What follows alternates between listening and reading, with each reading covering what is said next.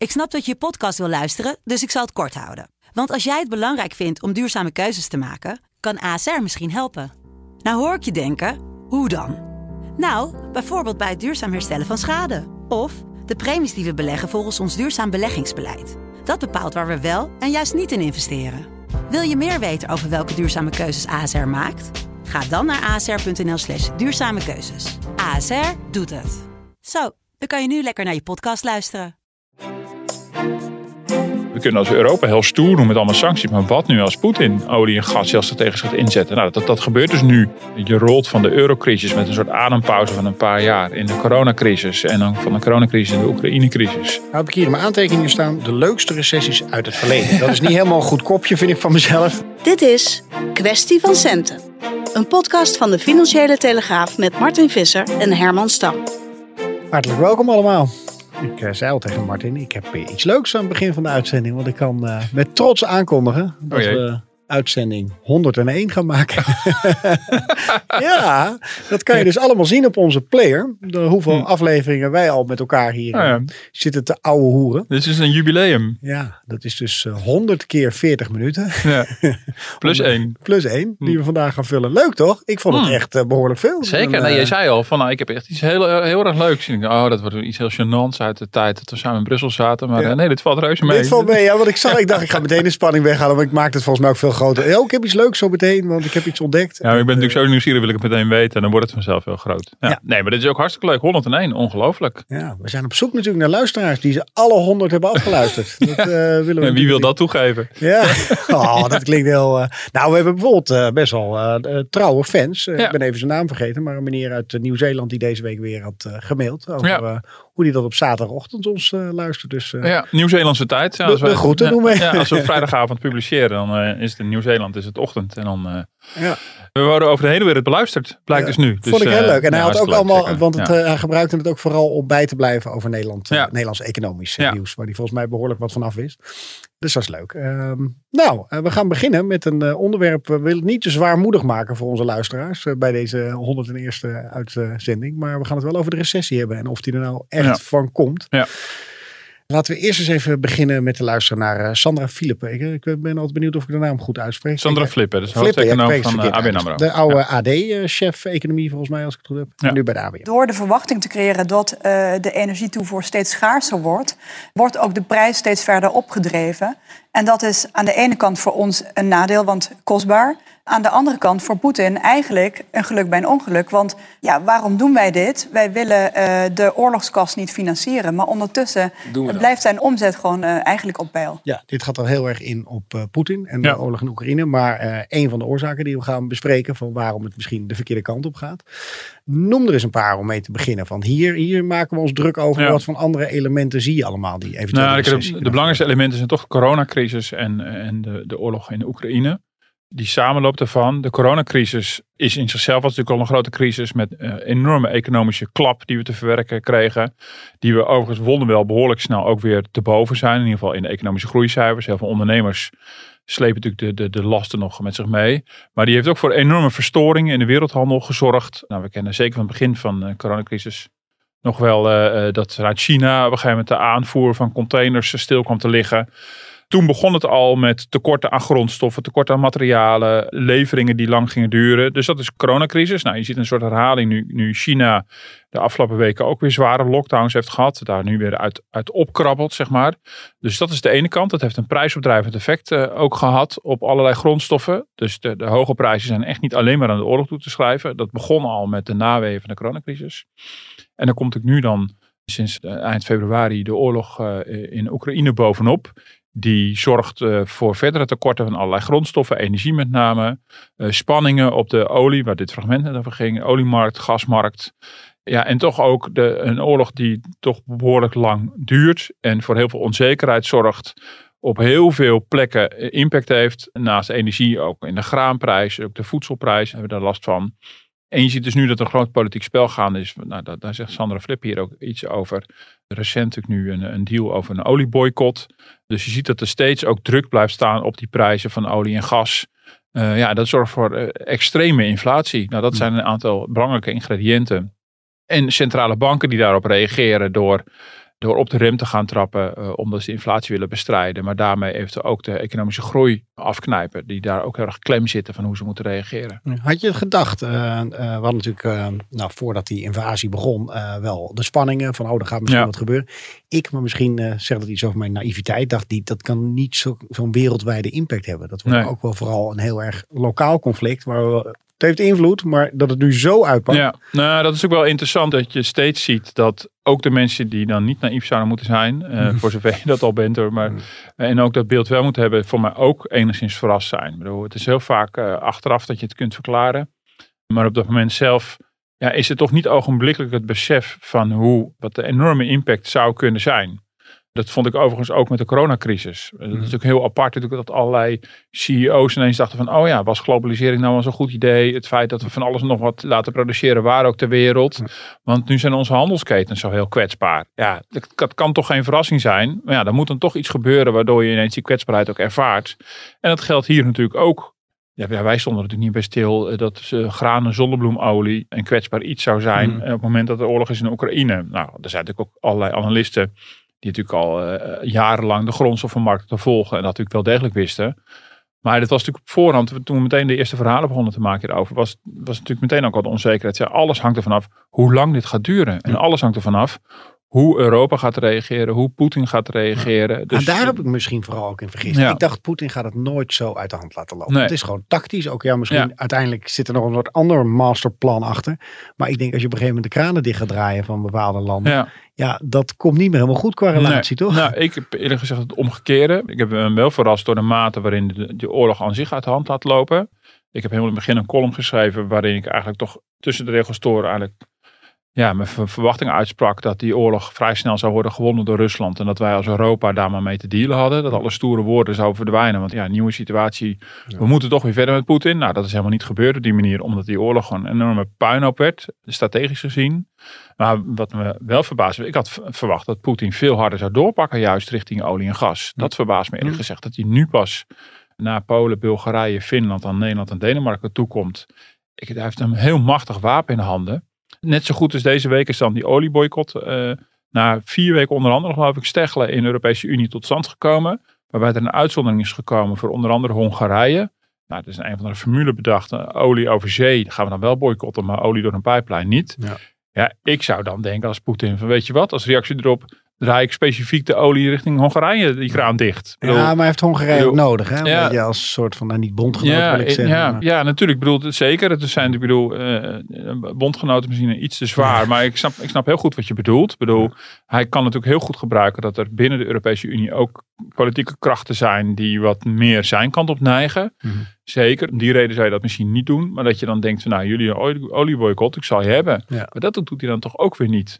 En nou, wat hier ook terugkomt, ook en toch weer teruggrijpend op dit fragment, is dat je als je heel strategisch dat inzet, dat wapen vanuit Poetin, als je dus niet Europa helemaal van het gas afsluit, niet helemaal van de olie afsluit, maar het gedeeltelijk doet, dan werkt dat prijsopdrijvend. En dan kan de omzet misschien alleen maar omhoog gaan. Dus je kan je eigen kas nog verder spekken. De oorlogskas uh, financieren. Dus ik vind eerlijk gezegd, uh, had ik daar veel meer, dat, dat schreef helemaal in het begin ook wel op, van nou, wat nu als, we kunnen als Europa heel stoer doen met allemaal sancties, maar wat nu als Poetin olie en gas heel strategisch gaat inzetten. Nou, dat, dat gebeurt dus nu stapje voor stapje. Mhm. Ik had eerlijk gezegd verwacht dat het veel sneller zou escaleren. Maar goed, mhm. ik ben dus ook geen, geen politiek strateeg, laat staan een defensiestratege. Maar dus ik, ik vind dat nog wel meevallen. Mhm. Maar de onzekerheid blijft natuurlijk. Je voelt wel aan van ja, maar dit is niet zomaar binnen een maand nu opgelost. En dat, dat zit ik wel eens te denken van, het is volgend jaar juni en we kijken terug op deze periode. Misschien zeggen we dan tegen elkaar, we hadden niet verwacht dat het allemaal zo lang zou duren. Want we zitten nog in die boycott of we zitten nog in die oorlog. In zo'n crisis is ook altijd heel moeilijk te voorspellen. Ik bedoel, toen Griekenland failliet ging, in 2010 speelde die, uh, die, die aanvraag. Hadden natuurlijk niet te durven vermoeden dat in 2015 we nog ons zorgen maakten over Spanje en daarna nog over Griekenland. Ja, als je er helemaal middenin zit, is, is juist de, de duur, de lengte is heel moeilijk in te schatten. Want je leeft heel erg in het En als je erin zit, ga je het ook meer accepteren dat het bijna een soort van gewoon is. Dat was natuurlijk ook met de coronacrisis. Want er zijn enorme stappen gezet en, en, heel veel gekke dingen gebeurd. En je wil ook niet automatisch een sprong maken van, oh, dit gaat dus helemaal mis. Dit zal wel helemaal één groot drama worden. Want ja, je houdt ook, en dat is ook fair, je houdt ook de, de, de, de luiken open voor, voor het geval uh, toch ineens een, een verrassend positieve wending krijgt. Maak je jezelf eigenlijk zorgen? Qua, als je nu dit leest Ja, van nou het gas eh, wordt dichtgeschroefd. Of om die reden de dus ook niet zo. Ik bedoel, dat is Mm. misschien ook een beetje oogkleppen. Misschien is dat juist naïef. Dat je denkt, ja oké, maar het gaat dus... ja, De eerste dagen van zo'n oorlog, dan is het overweldigend dat nieuws. Maar nu ben je al heel veel weken verder. En heb je het gevoel van, oh ja, het gaat ook eigenlijk heel langzaam. De aandacht voor Oekraïne wordt ook, in de media, ook bij ons natuurlijk een beetje minder. Ehm, dat is ook een beetje de wetmatigheid natuurlijk van hoe dat, hoe, hoe dat gaat. Dus ja, je denkt ook van ja, het, het, het zal wel weer loslopen. Eh, terwijl tegelijkertijd, ja, ik las van de week ook alle commentaren van allerlei energie-experts. Die vinden dat het kabinet veel te traag en veel te laconiek reageert. Die allemaal zeggen, oh, maar dat... eh, een voorbeeld. En nu gaat een deel van onze gastoevoer eh, wordt stilgezet. Niet alle Russische import, maar eh, wel een belangrijk deel daarvan. En onze gasvoorraden voor de winter zijn nog lang niet op orde. Mhm. Vergeleken met een aantal andere landen lopen we enorm achter. Ja, en toch hou ik zo'n naïef gevoel van, ach, dat zal wel loslopen. Ja. Maar ja, waar dat op gebaseerd is, weet ik niet. Misschien Ja. een soort, soort van naïeve hoop. Maar ja, als je gewoon kijkt naar de cijfers, dan heeft Nederland echt nog een hele klus te klaar om die Dus gasvoorraden. we gaan gewoon heel veel meer betalen nog. Want Ja, dan, gaan we sowieso- ja. En alles. En dan, Dan gaan we heel veel meer betalen. De druk eh, op de politiek om iets met Groningen te gaan doen zal toenemen. Mhm. Eh, dus eh, nee, deze week zag je natuurlijk dat allerlei experts vonden. Zet Groningen in echt als reëel alternatief. Het kabinet zegt nee, dat, dat zijn we echt niet van plan. Ze houden het nog steeds achter de hand. Dus die prijzen zullen omhoog gaan. Ja, en in die zin is het wel goed om op zijn minst rekening te houden met zo'n soort scenario. Een scenario van nou, het blijft heel lang doorgaan zoals het nu is. Dan is het heftig, maar te overzien qua economische gevolgen. We hebben het nu sec over, niet over de oorlog in Oekraïne zelf, maar de Mhm. gevolgen voor ons. Maar hou ook rekening mee met wel de escalatie. Wat nu als inderdaad Poetin stap voor stap van de kleinere landen overstapt naar de steeds grotere landen. En dan begrijp ik Italië en, en, en. Duitsland pakt. Ja. ja, dan zit je echt wel in andere scenario's. En, en ik heb niet helemaal het gevoel dat, inderdaad in die zin deel ik dat die kritiek die ik van de week allemaal her en der las en hoorde wel. Ik heb niet het gevoel dat, het, dat ons kabinet nou heel erg oog heeft voor dat scenario. Misschien hebben ze dat wel en willen ze ons niet ongerust maken. mhm. Maar toch zegt ergens mijn gevoel dat ze ook weer al bij de dag leven. Dat doet de Nederlandse politiek nu echt al een hele poos behoorlijk bij de dag leven. Ik vond het wel opvallend. In onze eigen krant eh, werd ook iemand aangehaald in Groningen. Die zei van nou goed, eh, het moet misschien maar. Ja, we Ja. moeten wel compensatie krijgen voor als onze huizen daar eh, schade mee oplopen. Maar ja, dit is echt wel een nood noodsituatie. Dus daar werd het urgenter geacht dan misschien bij het kabinet. en zo. Ja, eerder was er ook al een keer een enquête. Ik wantrouw dat wel een beetje. Bij die enquête in ieder geval. Omdat ik denk van ja, weet je. eh, je kan een enquête houden onder Groningers. Maar hoe is, de, hoe is de stemming onder precies die mensen. Waarvan hun huis gewoon evident onveilig is. Nog altijd. Maar ja, ik denk wel dat je wel een, een, een goed argument hebt. En dat ook wel uit te leggen is. Maar heb je ook een goed verhaal richting de Groningers. Die nog steeds wachten op compensatie of versteviging van hun huis. Ja, dat verhaal heb je niet, omdat je veel te lang getreuzeld hebt. Precies. Als je dat nou eens netjes had Ja. geregeld en Ja. gewoon bij elk huis was gaan kijken. En daar, eh, Exact. Dus je kan natuurlijk wel, eh, als je dus Groningen al zou, zou willen inzetten, dan moet je dus ook meteen met een heel concreet plan komen van hoe gaan we dan zorgen dat we op een manier die klappen, de letterlijke klappen, gewoon voor de komende tijd gaan opvangen. Of, of laten we dan Groningen dan verder in de shit zitten en eh, dat zien we dan later allemaal wel. Ja, Ja. dat is geen verhaal. Nee, dan krijg je wantrouwen door. Dan Ja. ja. Hey, ehm, hoe, hoe kijk je eigenlijk naar eh, cijfers qua recessie? Want eh, dan hebben we het hier op de redactie er ook over van nou komt hij wel of komt hij niet. Ja. Klinkt een beetje als een soort Sinterklaas eh, Ja. Maar Ja. wat is een belangrijk cijfer om naar te kijken in zulke gevallen? Ja, nou, ik heb bij een klassieke recessie heb je vaak het treintje dat de investeringen teruglopen, export terugloopt en de consumptie terugloopt. De consumenten reageert als laatste. Nu heb je natuurlijk een rare omstandigheid dat je uit zo'n enorme boom komt van die coronacrisis. Met heel veel vraag en inhaalvraag. En tegelijkertijd extreme onzekerheid. Dus die statistieken zijn wat moeilijker te peilen. Om een voorbeeld te geven. Het consumentenvertrouwen is, is lager dan tijdens de coronacrisis en lager dan tijdens de eurocrisis. Maar in de consumptie zien we het nog niet. Nou, van de week hebben we heeft eh, collega Connie eh, zitten rondbellen in de detailhandel. En daar beginnen ze het wel zo voorzichtig aan te merken. Ook bij meubelzaken en dergelijke. Maar uit, de- statistieken zie je nog niet dat de consument terughoudend is. Dus dat is wel een hele lastige. Nog een illustratie van hoe ingewikkeld het is. Het, het eerste kwartaal van dit jaar was de economische groei 0,0% ten opzichte van het vierde kwartaal. En dan denk je, oh, zie je wel, het is al begonnen, de, de, de afkoeling van de economie. Maar dat had dan weer mee te maken dat de overheid eh, minder uitgeeft. De overheid als consument, die ook een, een rol speelt in de economie. En dat had te maken, als je het vergelijkt met de, met de voorgaande periode, was de overheid nog eh, druk aan het, aan het uitgeven vorig jaar. In de zin van vaccinaties en teststraten. Mhm. en, en dus de overheid was een hele grote consument in de economie in de coronacrisis. En dat, ja, dat valt natuurlijk nu weg. Dus ook zo'n groeicijfer is heel moeilijk dan te interpreteren. Dan denk je, oh, de recessie is begonnen, maar dat is, dat is de vraag of dat zo is. Overigens in Frankrijk, begrijp ik, is het eh, technisch gezien, zijn ze wel net een recessie bij twee kwartalen op rij. Ja, van precies, een want negatieve vragen, economiedocent eh, Visser, Ja, ja. wat is een recessie? Ja, en en een recessie is, eh, is eh, twee kwartalen op rij negatieve groei. Mhm. En dan, waar dan naar gekeken wordt, is eh, eh, het meestal geeft een fair beeld om eh, nou, eh, het eerste kwartaal van dit jaar te vergelijken met het eerste kwartaal van vorig jaar. Dat is de manier waarop we normaal kijken. Maar voor een recessie doen we dat niet. Want dan wil je namelijk momentum pakken dat de economie op een gegeven moment eh, afkoelt en in, in de min schiet. En dan kijken we eigenlijk altijd naar het kwartaal daarvoor. Dus vergelijk het eerste kwartaal met het vierde kwartaal.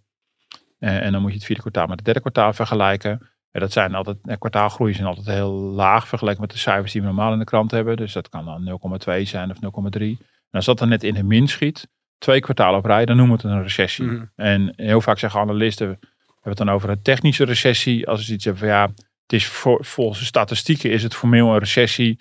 Maar hebben we er nou een recessiegevoel bij? Is het nou dikke crisis? Nou, dat is het dan soms niet. En dan zegt nou, dat noemen we het een, een technische recessie. Nou, er zijn ook momenten dat het wel dikke crisis was. En, dan, eh, en dan valt het woord technische weg. Maar, maar die kwartaalgroeien, daar kijk je dan naar.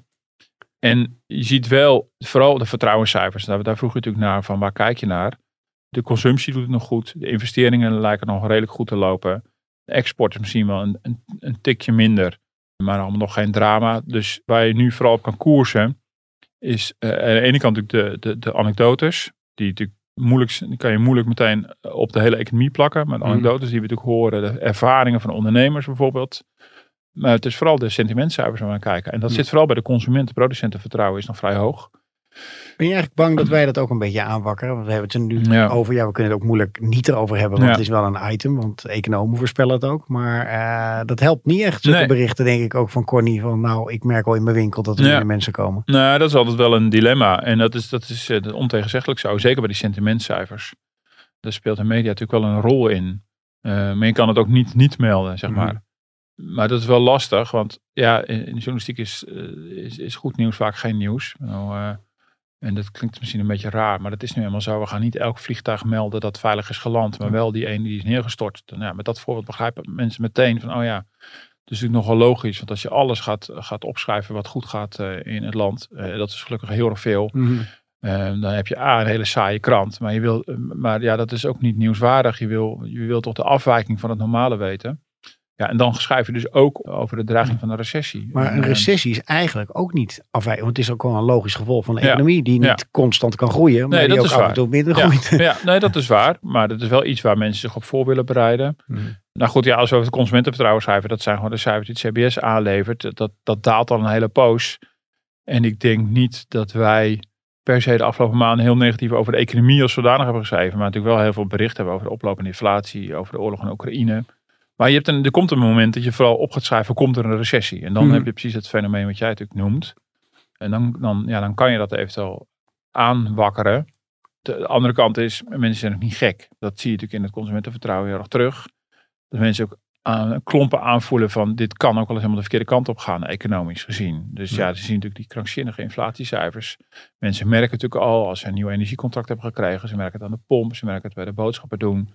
Eh, ze zien natuurlijk de beelden van de oorlog. eh, ze zien alle spanningen. En ja, mensen houden rekening mee. Dit, dit kan ook de verkeerde kant op gaan. En misschien valt het eh, straks allemaal reuze mee. Maar ehm, daarom zijn die vertrouwenscijfers toch wel interessant. Die zeggen niet alles, maar die zeggen wel heel veel. Nou heb ik hier in mijn aantekeningen staan. De leukste recessies uit het verleden. Dat is niet helemaal een goed kopje vind ik van mezelf. Want Nee, dat is eh, echt leuk, hadden bedacht. leuk is Ja. het niet natuurlijk een recessie. nee. Maar je hebt wel een paar eh, bekende voorbeelden. Ja, het, zijn wel, het is natuurlijk wel heel interessant. Maar goed, we laten eerst met een heel bekend fragment eh, beginnen. Dan, dan zijn we meteen weer terug in de tijd. Lehman Brothers is going bankrupt. And financial markets from Asia to Europe are doing their utmost to prevent Monday from turning from dark to black. Ik vind het zo mooi altijd hoe Amerikanen daar verslag van doen. Hè. Ik, Nou, dat hebben we speciaal voor jou ja, gedaan. deze. ja, als oud-correspondent. Ja. Ik veer helemaal op. Nou, dit kent iedereen nog. Ja. Eh, tenminste, die dozen die er buiten werden. Waar Ja. was jij toen dit gebeurde? Ja, precies. Ja, ik zat in Brussel al, ja. Ja. Nou, ook, ook geen notie dat dit zo gloeiend uit de hand zou lopen overigens. Mhm. Nou, eh, heel veel geleerd in de, in de bankencrisis, moet ik zeggen. Over eh, hoe banken, eh, economie, centrale banken, overheden, hoe dat allemaal samen kan gaan in, in een dodelijke mix. Ja, dus in die zin was de bankencrisis en, en in Europa voelde dat, kwam er een, een, een eurocrisis uit voort. was natuurlijk heel, ja, toch ook heel erg interessant en leerzaam, maar ook heel heftig. Ja, daar kreeg ik trouwens wel, want we zaten, dat vertellen we hier wel vaker, uh, toen allebei als correspondenten in Brussel en uh, nou ja, voor concurrerende bladen. Ja. Uh, maar daar kreeg ik wel, en ik ben een optimist, maar wel een beetje dat benauwde gevoel van, oh mijn god, wat Ja. gaat dit nou? Ja, dat heb ik ook wel gehad toen. Ja. Ja. Ja. nu je dat zo zegt, ja, dat heb ik toen ook wel gehad. Niet per se op dit Lehman moment, Mhm. maar wel met die crisis toppen. En eh, ja, ik word ook altijd een beetje giftig eh, als mensen zeggen van, ach, bedoel, eh, bedoel, dat kwam toch allemaal goed. En eh, eh, het is geen moment in gevaar geweest. En eh, oh ja, was bij de, bij de slimste mensen, Maarten van Rossum, eh zat te toeteren over. Ja. ja, die zit dan natuurlijk met glassen te beweren dat het nooit, eh, dat de euro überhaupt nooit in gevaar is gekomen. Dat is gewoon echt niet waar. Nou, Achteraf kan je dat natuurlijk zeggen. En je ziet dus dat, dat als er op het cruciale moment toch eens, eensgezindheid politiek wordt bereikt. Dan kan je dus al die rampen overleven. Maar ik heb natuurlijk ook wel de paniek daar gezien. En ook wel de, de zorg en de angst. En de onbeheersbaarheid van financiële markten met name ook. Daar En zat je hebt er ik bovenop zorg. gezeten dat sommige Ja. overleggen gewoon echt niet goed gingen. Nee. En dat het echt dreigde van, Ja. nou, dit land gaan we Ja. sowieso niet meer redden. Hier komt ook, komen we echt niet uit. En Ja, dat was dat niet alleen voor de bühne. We weten hoe het gaat in. Brussel. Ze moeten allemaal een beetje blazen. Zeker, moet dat speelt, speelt ook een rol. En, eh, en je moet het ook zwaar aanzetten. Mhm. Toch ook weer over gesproken over dit moment, september 2008, dat Lehman Brothers, die zakenbank failliet ging. Nou, als je het natuurlijk hebt over, ben ik nou heel naïef als ik niet voorzie hoe dramatisch gaat lopen. Dat zou je van dat moment ook kunnen Mhm. zeggen. Dat is ook een weloverwogen keuze geweest van de Amerikaanse autoriteit om deze bank te laten vallen. In de veronderstelling dat het financiële systeem dat kon hebben. Mhm. Ja, ik kan mezelf niet kwalijk nemen dat ik niet meteen doorzag wat voor een ramp hieruit zou voortkomen. Want als zelfs de toezichthouder daar dacht, dit moeten we kunnen hebben en we kunnen niet alles redden.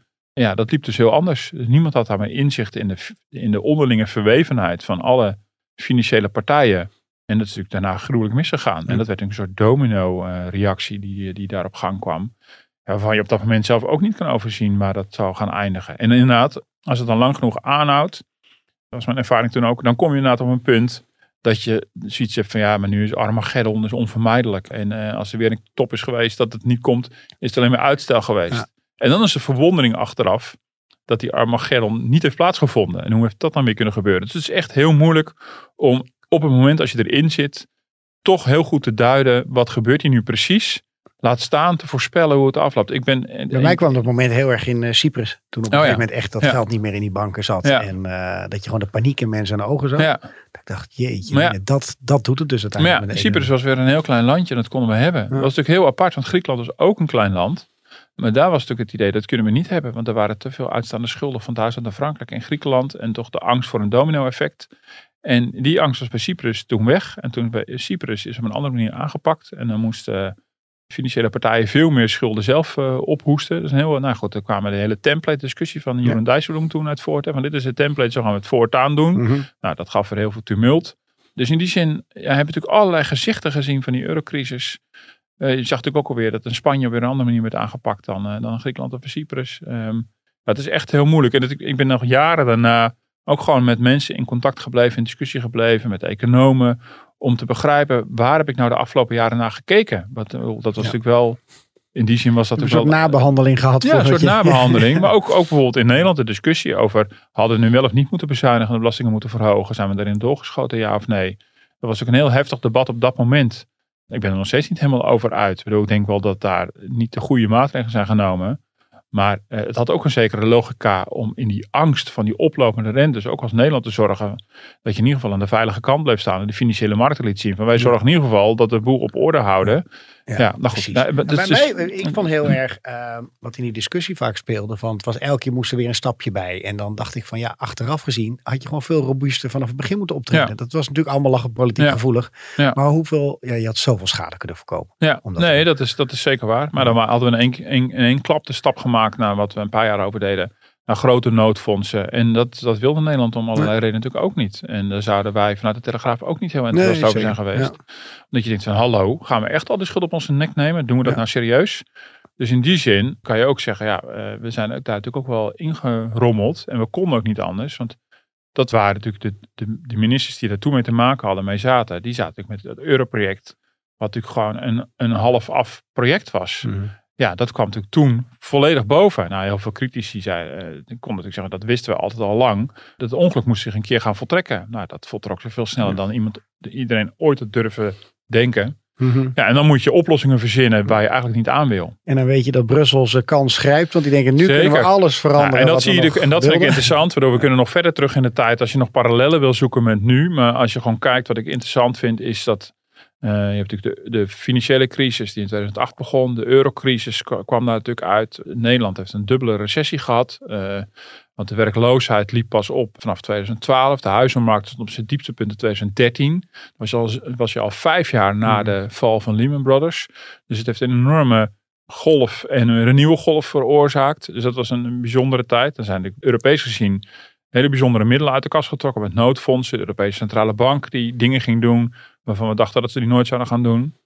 Ja, en toen kwam in 2020 alweer, wat dan relatief snel is, die hele coronacrisis. Waar we natuurlijk in ieder geval twee jaar druk mee zijn geweest. En dan zit je nu alweer in deze situatie. Dus het volgt elkaar behoorlijk snel op. En het antwoord vanuit Europa is steeds weer noodfondsen. Mhm. Het antwoord vanuit de Eu- Europese Centrale Bank is het opkopen van staatsobligaties. Bedoel, Het programma wat gestart is in de eurocrisis is nu nog niet eens afgerond. Bedoel, We zijn nog bezig om de, eh, de voor, voorgaande crisis te bestrijden. Hmm. Ja, dat vind ik wel ongelooflijk. Maar het antwoord is toch vooral zorgen dat landen daar veel beter zich tegen wapenen. Voor Ja. als het slecht gaat. Alleen om, als je dat onvoldoende snel doet, Mhm. dan ben je alweer in de volgende crisis Ja. beland. En dan heb je ja, ja, nu gaat het even niet. Nu is het crisis. Mhm. Je rolt van de eurocrisis met een, met een soort adempauze van een paar jaar in de coronacrisis. En dan van de coronacrisis in de Oekraïne-crisis.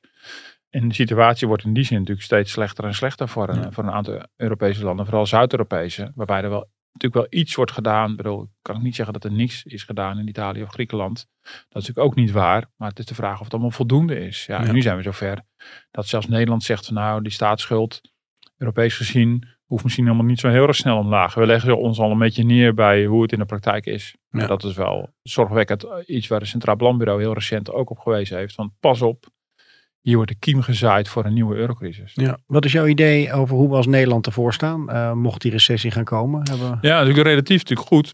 Zeker met een lage, lage staatsschuld. Mijn enige zorg zit erbij is de politieke kant meer. In hoeverre... Kijk, als je dus even... eh, laat ik eerst die, die zinnen afmaken. De werkloosheid is extreem laag. Dus de krapte op de arbeidsmarkt die is ongekend. Eh, dus in die zin eh, kan je wel wat hebben. De staatsschuld is laag. We hebben nauwelijks nog rentelasten. Die beginnen wel op te lopen. Dus dat is allemaal, eh, is allemaal gunstig. In Nederland hebben we natuurlijk echt wel iets gedaan na de huizencrisis van 2012 en de jaren daarna aan alle leennormen. Dat was niet altijd even populair, Mhm. maar het is toch, ik denk dat, dat de financiering van huizen echt nu wel anders is. Dus de, de grote risico's dat de mensen massaal weer onder water komen te staan met een huis is nu echt kleiner. Het hele feest van aflossingsvrije hypotheken en overfinanciering. Daar is echt paal en perk aan gesteld. Het zal moeten blijken bij een volgende huizencrisis of dat voldoende blijkt te zijn. Maar goed, daar komen we straks nog wel op terug. Mhm. Dus die, die basis is op zichzelf goed. Alleen ja, we, zijn natuurlijk niet in ons eentje. We, zijn ook verbonden aan andere eurolanden. Nou, dat hebben we net al even genoemd. En politiek. Ik bedoel, als je natuurlijk ziet dat in december met heel veel moeite uiteindelijk een regeerakkoord is gepresenteerd. Eigenlijk vanaf januari de financiële tegenvallers al, al binnenkomen. En fors. Dat vervolgens de coalitie echt een paar maanden nodig heeft om die bijstelling in de voorjaarsnota te regelen. Ja, is nu alweer wachten op de volgende tegenvallen. Die dient zich al aan. De ambtenaren, eh, zagen we in de stukken bij de voorjaarsnota, waarschuwen ervoor dat het niet helemaal klopt dat de rente nul blijft. In een voetnoot van het regeerakkoord staat, onze veronderstelling is dat de rente nul blijft. Nou, dat is dus niet zo. Mhm. Dus de rentelasten lopen heel hard op. En dan gaat echt, eh nou, de komende jaren is het honderden miljoenen. Maar met, met een jaar of twee, drie is het al een paar miljard. Ja, Dus nieuwe financiële tegenvallers, die zitten al in het vat. Als er een recessie komt of een afkoeling van de economie, loopt de belastinginkomsten terug. Dan lopen de uitgaven en uitkeringen op. En dat kunnen we allemaal hebben, denk ik, vooralsnog. We zijn er goed voor. Maar is de politiek stabiel genoeg om daar ook eh, oplossingen voor te vinden? Of laten dan gewoon massaal de staatsschuld oplopen? En denk, nou, het zal allemaal Ja. wel. Ehm, En de voortekenen waren niet gunstig. Nee, de voortekenen eh, waren niet voorjaarsnota gunstig. Nee, en, precies. eh, ja. Dus daar zit vooral mijn zorg. Ja, of ze moeten ervoor kiezen, weet je wat, we laten gewoon de teugels vieren. En dat zijn dan de automatische stabilisatoren. Er is ook wel iets voor te zeggen. Dat je zegt, nou, we laten gewoon maar de tekorten oplopen. Eh, maar goed, Nederland heeft al een begrotingstekort van over de 3%. Terwijl het natuurlijk economisch hartstikke goed gaat. Dus dat, dat loopt er nog veel harder op. Dus dat ben ik ook wel benieuwd naar. Hoor. Van of we over een jaar of vijf nu terugkijken naar dit moment. Van dat je denkt van zie je wel. Bedoel, eh, nu is alle analyse van dit is een uitgeefkabinet. Er wordt heel veel gespendeerd. Nou, er zijn ook rondom klimaat ook belangrijke doelen. En investeringen in, in innovatie. Belangrijke doelen wat heel veel geld eh, moet en mag kosten. Maar of we achteraf niet zullen zeggen van zie je wel. Dat was toch... We zijn daarin doorgeschoten en toen kwam de crisis en, en toen liep het uit de hand. Mhm. Dus eh, ja, dat Ja. is niet van tevoren al precies te zeggen dat het zo is. Maar die kwetsbaarheid is natuurlijk wel degelijk. Ja, we gaan nog even, je noemde het al, hè, de, de woningmarkt. Daar gaan we nog even specifiek uh, naar ja. kijken. Op een gegeven moment, mijn laatste bezichtiging was een appartement van 44 vierkante meter. Ik startte met 70 en dat is in een jaar tijd. Onze leeftijdscategorie wordt heel erg opgedragen van jongens, koop wat, want anders mis je de boot. Het is natuurlijk een hele rare uh, gedachtegang. Maar op zich vrij logisch. Ja, want we hebben het gewoon namens de hele generatie is het gewoon lastig. Nou, ja, dan hebben we het over recessie. Maar dan komt al snel toch ook van, uh, zitten we op een zeepbel in die woningmarkt? Je noemde al wat dingen van, nou, dat ziet er beter uit. Maar uh, waar sla je daarbij op aan? Ja. Want ik las in een Rabo-rapport, werd het ook al genoemd van, oh jee, uh, misschien komt hij. Zitten daar ook indicatoren om in de termen te blijven? Ja, nee, wat een groot verschil is, is denk ik de manier waarop, waarop nu de huizen gefinancierd zijn. In ieder mhm. geval, op een gegeven moment zijn de regels uh, duidelijk aangescherpt. Dat is iets waar starters ook tegenaan lopen. Want die zien het al, alle voorgaande generaties, daar kon het allemaal niet op. En iedereen kon het allemaal maar financieren. En nu moet je eigen geld meebrengen. Uh, zijn de leennormen allemaal strenger. Dus dat is aan de ene kant, dat is het positieve deel van het verhaal. Overigens, de hypotheekschuld is in Nederland echt nog heel hoog, internationaal gezien. Uh, Krijgen dus we er altijd een tik op ons vingers ook over van. ja, nou dus dat, is, dat blijft een, een economische kwetsbaarheid. Um, maar de andere kant is natuurlijk, uh, dat is het bubbelgedeelte. Het is heel moeilijk te zeggen of er een bubbel is, maar het risico is er in die zin dat de rente zo krankzinnig laag is geweest. Dat was natuurlijk een beweging van de markt en heeft de ECB, de Europese Centrale Bank, nog een flink extra zetje aangegeven dat onze hypotheekrente zo laag was. Dat heeft ook de huizenprijzen aangewakkerd. Mm. Dus ja, het was ook gewoon mogelijk om hele forse bedragen in verhouding te, te lenen door die extreem lage rente. Dus ik ben wel benieuwd hoe die combinatie uitpakt. Dus aan de ene kant die strengere leennormen, waardoor de situatie minder kwetsbaar is. Maar aan de andere kant, we konden elkaar ook helemaal gek maken. Uh, en dat heeft de, de, de prijs ook wel opgedreven, denk ik, die mhm. lage rente. En daarnaast heb je gewoon de factor van de tekorten, de feitelijke tekorten aan huizen. Dat is gewoon een reële factor. Dat is ook weer een soort rem op, op een mogelijke crash van de huizenmarkt. Ja, want zolang als er gewoon echt een evident tekort blijft. En Hugo de Jonge wel allerlei verplichtingen stelt aan de huurmarkt. Maar nog niet begint met huizen bouwen. Mm dan komen we gewoon huizen tekort. En dat, dat werkt weer de andere kant op. Dat voorkomt natuurlijk dat de huizenprijzen inzakken. Ja, irriteerde jou dat ook niet van. Uh, dan heb je de verplichtingen van een warmtepomp. En uh, dat je je huis moet isoleren als je hem gaat verhuren, toch? Ja. En dan denk ik van ja, maar het begint toch met gewoon bouwen. Ja, Het klinkt altijd, ik heb altijd die ene VVD geloof ik, hè, met dat bouwen, bouwen, bouwen. Ja, ja, maar uh, het is wel waar. Daarmee los je toch vooral dit soort dingen op. Ja, nou kijk, dus, ik bedoel, hij heeft natuurlijk twee dingen. Hij moet en, en de woningtekort oplossen en hij heeft natuurlijk een klimaatdoelstelling. Mm. Dus in die zin moet er aan de duurzaamheid natuurlijk wel degelijk ook iets gebeuren. En dat hij de huurmarkt gaat reguleren is op zich niet onlogisch, want de vrije sector is uh, ondergeschoven kind geweest de afgelopen jaren. Dus er werd heel erg naar koop gekeken en, en de huurmarkt niet. Alleen het is, het is een geloofwaardigheid en het draagvlak voor wat hij wil zal toenemen als hij ook heeft geleverd op het andere deel. Ja. Weet je, ik denk dat het allebei moet gebeuren en dat hij ingrijpt uh, en ook dingen misschien wat dwingender gaat doen. is op zichzelf nog wel begrijpelijk. Maar ja, als je zegt, ja, maar hallo, maar de zorg is dat ik überhaupt een huis heb. Mhm. Als je daar dan niet, als je niet op laten zien dat, je, dat, je, dat dat ook op de rail staat, ja, dan, dan zal, er, zal er vooral heel veel kritiek zijn. Dat begrijp ik ook wel. En rondom die warmtepomp zijn er ook nog heel veel vragen bijvoorbeeld. Of uh, nou, een heel groot percentage van het huis kan het überhaupt niet. Is er geen ruimte voor. Ja, dus communicatief is het niet zo handig aangepakt. Dat je misschien vanwege de klimaatopgave bepaalde dingen toch uh, ons een beetje door de strot moet houden. Dat begrijp ik zichzelf nog wel.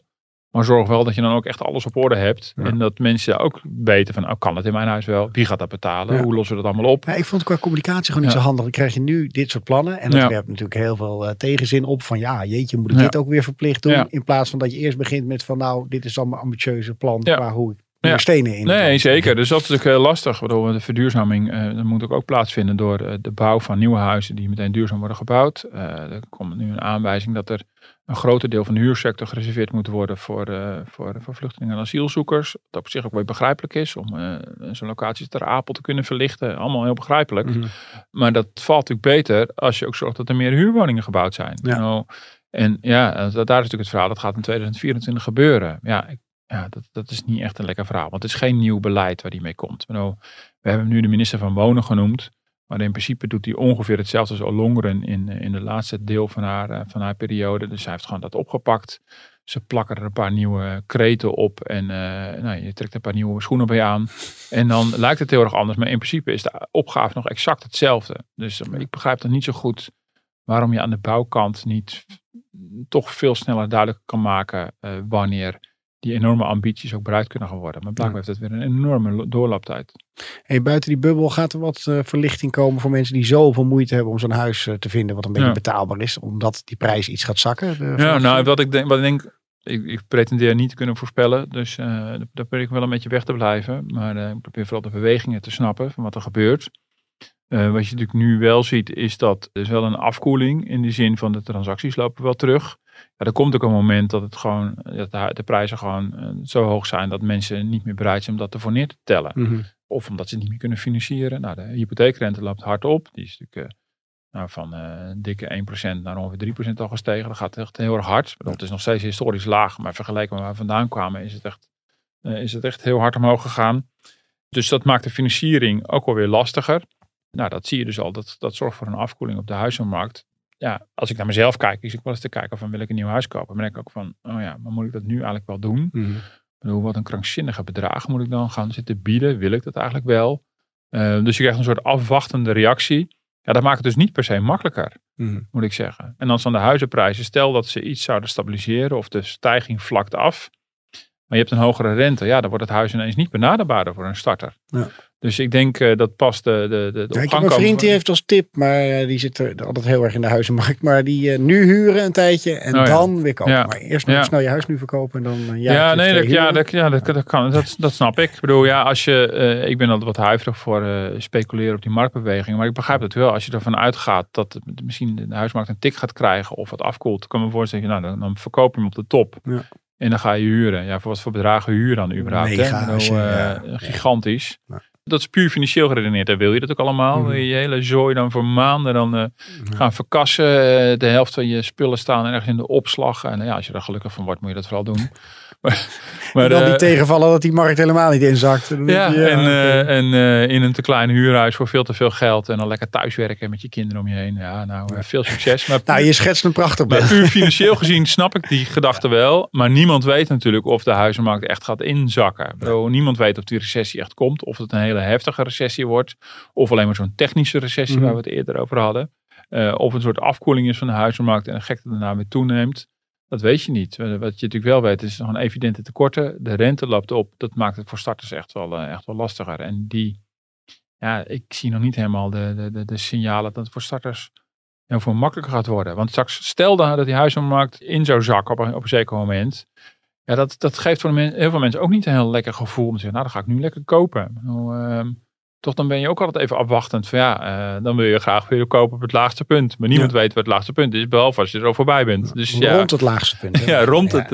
ik heb toen in de vorige huizencrisis gekocht. En dacht ik, nou weet je, je moet gewoon een huis hebben. Dus het zal allemaal wel. En daarna is het nog iets doorgezakt. Maar ja, achteraf was het een heel goed moment. Ja, wist ik veel. Ik, moest, ja, ik kwam van Brussel naar Amsterdam. Ik moest gewoon een huis hebben. Mm -hmm.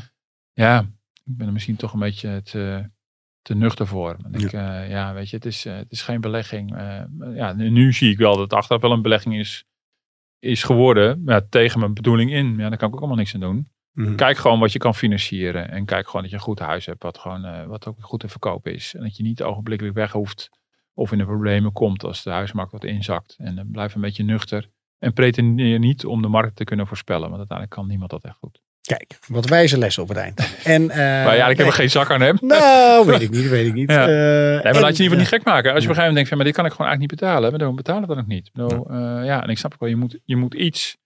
Maar als je natuurlijk jezelf je hoofd in een financiële strop steekt, dan maak je jezelf ongelooflijk kwetsbaar. Ja. Nou, ik hoop uh, dat we niet te veel uh, mensen angst hebben aangepraat qua het recessieonderwerp. Maar mij nee, we hebben best wel vrolijk over recessie gepraat. Vond ik. Vond ik ook. En alles goed uiteenzet. Maar dan hebben we altijd nog de rondvraag. Heb je Om... iets uh, voor de rondvraag? Ja, nou, ik wist waar ik met jou het over wilde hebben. Oh. Jij, jij zit zo al lekker in die showbiz al.